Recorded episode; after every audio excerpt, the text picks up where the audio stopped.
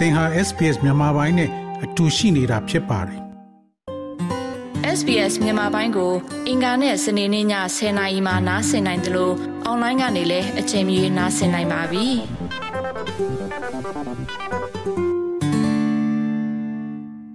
ဟိုဒုက္ခဆိုတာချုံမိန်တဲ့အပြီးတစ်လုံးလို့သတ်မှတ်ထားလို့ရှိလို့ရှိရင်အရာရာပြီးဆုံးသွားမှာပါ စစ်ကောင်စီရဲ့ဖမ်းဆီးအကျဉ်းချမှုကြောင့်ထောင်ထဲရောက်နေတဲ့နိုင်ငံရေးတက်ကြွလှုပ်ရှားသူတူရဲ့ဇနီးအဖြစ်ဘဝကိုခွန်အားနဲ့ဖြတ်သန်းနေပုံမှာ NLD အစိုးရလက်ထက်လူမှုရေးဝန်ကြီးဟောင်းဦးနိုင်ငံလင်းရဲ့ဇနီးဖြစ်သူဒေါ်ခင်စန္ဒာဝင်းပဲဖြစ်ပါတယ် စစ်တပ်ကအာဏာစသိမ်းတဲ့နေ့ဖေဖော်ဝါရီလ၁ရက်ကလေးကဖမ်းဆီးခံထားရတဲ့ခင်မွန်းဖြစ်သူလွတ်မြောက်လာမလားဆိုတဲ့မျှော်လင့်ချက်နဲ့လွတ်ငင်းချမ်းသာခွင့်ပေးတဲ့နေ့တိုင်းသူဟာထောင်ရှိမှာအမြဲသွားဆောင်ခဲ့ပါတယ်။ဒါပေမဲ့နှစ်နှစ်နီးပါးကာလအတွင်းနိုင်ငံရေးအကျဉ်းသား200ကျော်အထိလွတ်မြောက်ခဲ့ပေမဲ့သူစောင့်ကြိုနေသူကတော့ဒီနေ့အထိမလွတ်မြောက်လာသေးပါဘူး။ တော်လိုင်းရေးကာလဖက်စီခံရသူ အမျိုးသားတွေရဲ့နောက်ွယ်ကနေဘဝကိုခွန်အားအပြည့်နဲ့ရုန်းကန်ကြောဖြတ်နေကြရတဲ့ဒေါက်ခင်ဆန္ဒဝင်လည်းအပါအဝင်ပါထောင်ကျနေတဲ့အမျိုးသားအတွေ့ထောင်ဝင်စာပုံမှန်ပို့နိုင်ဖို့အထည်ရောက်ပြီး6တန်းအရွယ်ကလေးတယောက်နဲ့အဆင်ပြေအောင်သူဟာစူးစမ်းရုန်းကန်နေရသူလည်းဖြစ်ပါတယ်။ ကျောင်းစေ့ကော ကလေးအတွက်ကော အိမ်မှာနေတဲ့ မိသားစုအတွက်ကော ကိုကဟိုအိမ်ဟိုအပြင်မှာ အခုထောင်ထဲမှာအချင်းကြနေတဲ့ ယောက်ျားအတွက်ကောပေါ့နော် ရှာဖွေနေရတာကတော့ နည်းနည်းတော့ ခက်ခဲတာပေါ့ ရအောင်သူ့ကို တပတ်တစ်ခါတော့ ထောင်ဝင်စာပို့တယ် ကိုဘလောက်ပဲ ဒီမှာ ကိုမစားရသည်ဖြစ်နေပါစေ သူ့အတွက် ထောင်ဝင်စာရောက်နေတော့အရေးကြီးတယ်လေ ထောင်ဝင်စာများလို့ အဆင်မပြေဘူးဆိုလို့ရှိလို့ရှိရင် သူဒီစိတ်အားငယ်ဝါမှကြောက်တယ် စိုးရင်ဝါမှကို ကြောက်တဲ့အတွက် အမဒီအမြဲတမ်း အဆင်ပြေတယ်ပဲ ဒီပေါ်ကြီး နိုင်လို့ရှိလို့ရှိရင် အမယောက်ျားဒီဒီနေ့နိုင်နဲ့ပြန်လွတ်မယ်လို့ အမမျှော်လင့်နေတာလေ တော်လန်ရေးဆိုတဲ့ခေါင်းစဉ်အောက်မှာဒေါခင်ဆန္ဒဝင်းတို့လိုအမျိုးသမီးတွေဟာကြာရအခန်းကဏ္ဍကနေပါဝင်နေကြပါတယ်။တော်လန်ရေးရဲ့ပေါ်တက်ကြွလှုပ်ရှားသူတွေရဲ့ကြောတော့နောက်ခံမိသားစုဝင်နေရာတွေကသာမကလက်နက်ကင်ရဲမီတပိတ်ကောင်းဆောင်စတဲ့နေရာတွေကနေပါအာနာရှင်ကိုတွန်းလှန်နေကြတာပါ။ဒါကြောင့်စစ်ကောင်စီတပ်သားတွေရဲ့ပြစ်မှတ်ထားခံရတဲ့တဲမှာအမျိုးသမီးတွေကထိတ်ဆုံးကပါဝင်နေပါတယ်။ အာနာရှင်ကိုတော်လန်လို့အမြင့်ဆုံးပြစ်ဒဏ်သေဒဏ်ပေးခံရတဲ့အမျိုးသမီးတွေလည်းရှိပြီးရိုက်နှက်ဖမ်းဆီးနှစ်ရှည်ထောင်ချခံရတာအဓမ္မပြုကျင့်ခံရတာတွေကိုအမျိုးသမီးတွေရင်ဆိုင်နေကြရပါတယ်။ဒါဟာအမျိုးသမီးတွေကိုစစ်လက်နက်အဖြစ်ခေတ်အဆက်ဆက်အသုံးပြုလာတဲ့စစ်အာဏာရှင်တွေရဲ့ဗျူဟာတစ်ခုဖြစ်တယ်လို့ပြောလာသူကမြန်မာအမျိုးသမီးများအဖွဲ့ချုပ်အထွေထွေတွင်ရင်မူနန်မိုမိုပါ သူတို့ရဲ့တက်ကြွလှုပ်ရှားမှုတွေကြောင့်မို့လို့သူတို့တွေကအပြစ်ပေးအေးအေးယူခံနေရတာကိုကျမတို့ကတွေးရတာဖြစ်တယ်ပေါ့နော်ပြီးလို့ရှိရင်တော့သူတို့ရဲ့ဒီနနေ့တာတော့တွေးမှာမြို့သမီးတွေလုံခြုံရေးလို့ပြောလိုက်လို့ရှိရင်လုံးဝကိုစိန်ခေါ်မှုအမြင့်ဆုံးနေရာကိုရောက်နေတယ်လို့ကျမတို့ပြောလို့ရတယ်ပေါ့နော်ဆိုတော့ဒီအကြံဖတ်စစ်တပ်ကနေမှအမျိုးသမီးတွေအပေါ်ကိုဒီပလိပခါနဲ့ဆက်နွယ်တဲ့လိမ်ပိုင်းဆိုင်ရာအကြံဖတ်မှုကိုတကယ်စစ်လက်နဲ့တဖွဲ့အသုံးပြုနေတာကိုကျမတို့တွေ့ရတယ်ပေါ့နော်ဆိုတော့ဒါတကယ်အမျိုးသမီးတွေကိုဥတီပြီးတော့လိမ်ပိုင်းဆိုင်ရာအကြံဖတ်တာကိုတကယ်သူတို့ကဒီအစီအစဉ်ရှိရှိနဲ့တကယ်ကိုရည်ရွယ်ချက်ရှိရှိနဲ့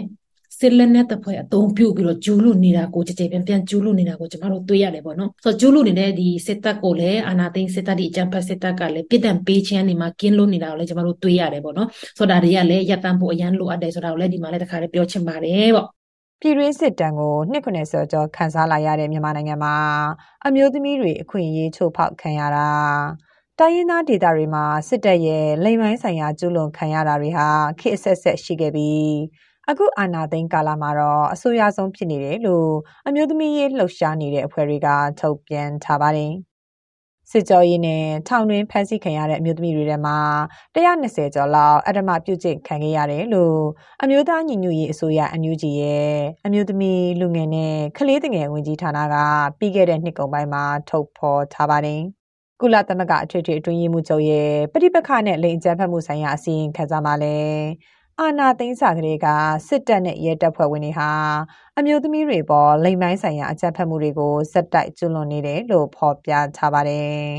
။ဒီလိုကျူးလွန်မှုတွေမှာအရွယ်မရောက်သေးတဲ့ကလေးငယ်တွေပါတားကောင်ဖြစ်လာတာပါ။ ပြီးခဲ့တဲ့နှစ်အတွင်းမကွေးတိုင်းမှာအသက်14နှစ်အရွယ်အမျိုးသမီးငယ်ကိုစစ်တပ်ကအဓမ္မပြုကျင့်ပြီးမိရှုတပ်ဖြတ်ခဲ့တဲ့ဖြစ်စဉ်လည်းရှိခဲ့ပါတယ်။စစ်ကောင်စီဘက်ကတော့လိမ်မိုင်းဆိုင်ရာအကြမ်းဖက်မှုနဲ့ကျူးလွန်သူတွေကိုစစ်တပ်အတွင်းစစ်ဥပဒေနဲ့အညီအမြင့်ဆုံးပြစ်ဒဏ်တွေချမှတ်နေတယ်ဆိုပြီးတုံ့ပြန်ဖြေရှင်းထားပါတယ်။ တရားလွတ်တော်ရှိနေတူဖြစ်တဲ့ဥမောင်မောင်ကတော့ဒီလိုပြစ်မှုတွေကိုစစ်ကောင်စီကအရေးယူခြင်းမရှိတဲ့အတွက်တပ်ဖွဲ့ဝင်တွေကဆက်ကျွလွန်နေစေဖြစ်တယ်လို့ဆိုပါတယ်အာနာသိန်းစစ်ကောင်စီကအမျိုးသမီးတွေပေါ်မှာပြစ်မှုကျူးလွန်နေလို့ဘာလို့မျက်ကွယ်ပြီးုံနေမကပါဘူးမတရားကျူးလွန်နေတဲ့သူတွေကိုပါခွင့်ပြုထားတယ်လို့အဲစီကံလိုက်နာဖို့ ကြက်မှတ်တာမရှိဘူးအပြစ်ကျူးလွန်သူတွေကိုအရေးယူမှုတွေမရှိဘူးတဲ့အတွက်ပေါ့နော်ဒီကျူးလွန်သူတွေက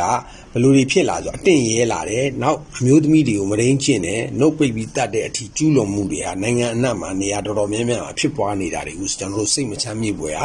တွေ့ရတယ်အဲ့တော့ဒီຢာတွေနဲ့ပတ်သက်ပြီးတော့လေအရေးယူနိုင်မှုကတော့စံပတ်မှုတပ်ပြည့်နည်းဥပဒေ300ကျွန်တော်တို့ကြေညာပြီးပြီဖြစ်တဲ့အတွက်သူနဲ့ဆက်နွယ်နေတဲ့ရန်နေရာတိုင်းရဲ့လုံမှုကင်မှုတွေအားလုံးဟာဒီအချမ်းဖက်ဥပဒေအရာပဲကျွန်တော်တို့ကအရေးယူနိုင်တဲ့အနေအထားအထိရှိတယ်ဆိုတာလေးကိုတော့ကျွန်တော်တို့ရှင်းလင်းတင်ပြလို့ရနိုင်ပါတယ်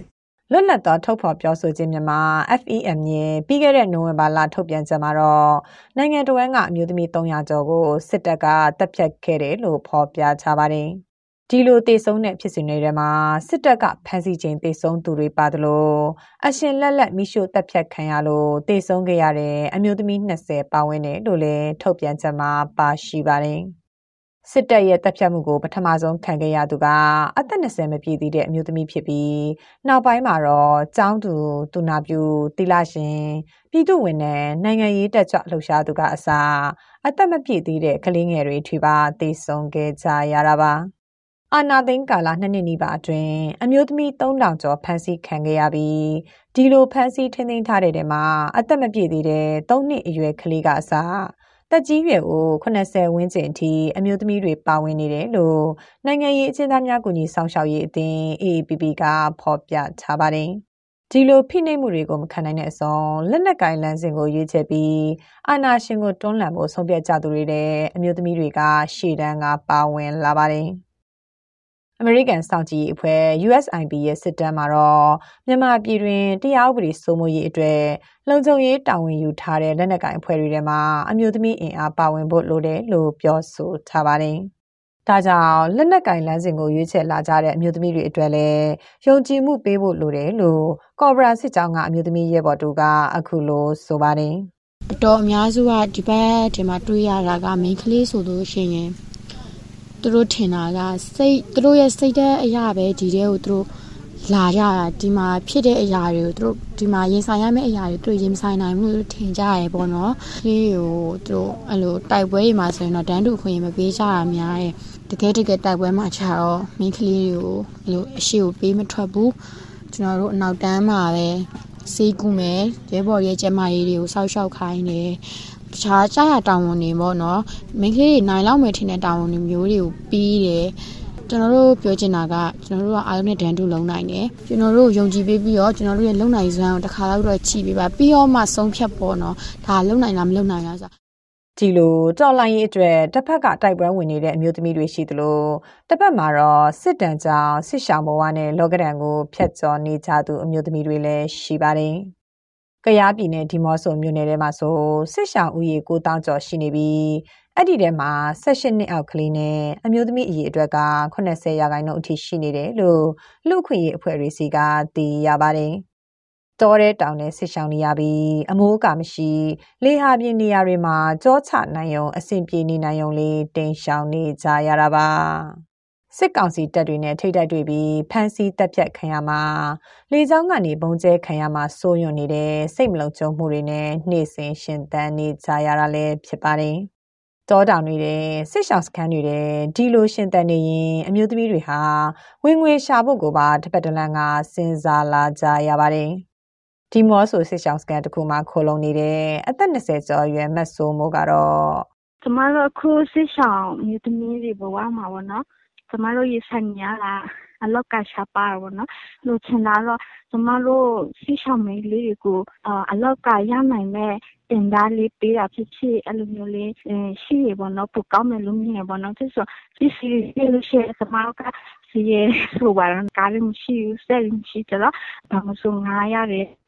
အကုန်ကျစရိတ်အနည်းဆုံးတသိန်းလောက်ကုန်တဲ့အမျိုးရှိတယ်။ကျမဖြစ်ချင်တာတော့စစ်ရှောင်ရတော့မှကျမနေရာတည်တကျလေးစစ်ရှောင်နိုင်ကောင်းမယ်လို့တွေးမိတယ်ပေါ့နော်။ခဏခဏရွှေ့ပြောင်းနေရတယ်ကျမတို့တက်လက်ခက်ခဲရှိတယ်ပေါ့နော်လူနေမှုစိတ်သားရန်နေတာလေးထဲမှာပါတယ်ပေါ့နော်လီတာတိုက်ပဲလီတာတော့မိုးကလေးလဲအဲ့လိုမျိုးလေးရှိတယ်ပေါ့နော်ကျမတို့လူနေမှုစိတ်သားကတော့အရာနဲ့ပါတဲ့ထဲမှာပါပါပြီးတော့ကျမတို့ဒီမျိုး ရှိရှောက်ဒီညအိမ်ဝိုင်းထဲမှာမနေရကျမတို့တောက်တောက်ပေါ်မှာတနေရတော့ကျမတို့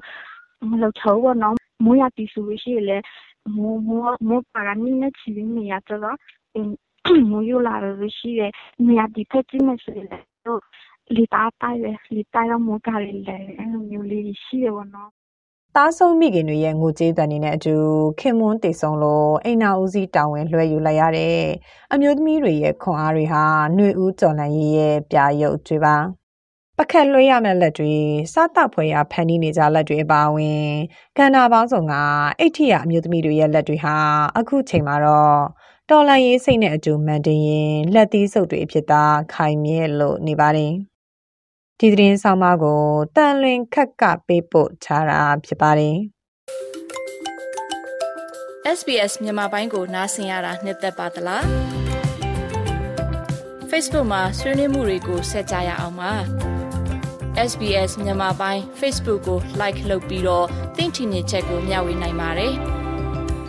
SBS Bemis ကို Facebook မှာ share ကြည့်နိုင်ပါတယ်ရှင်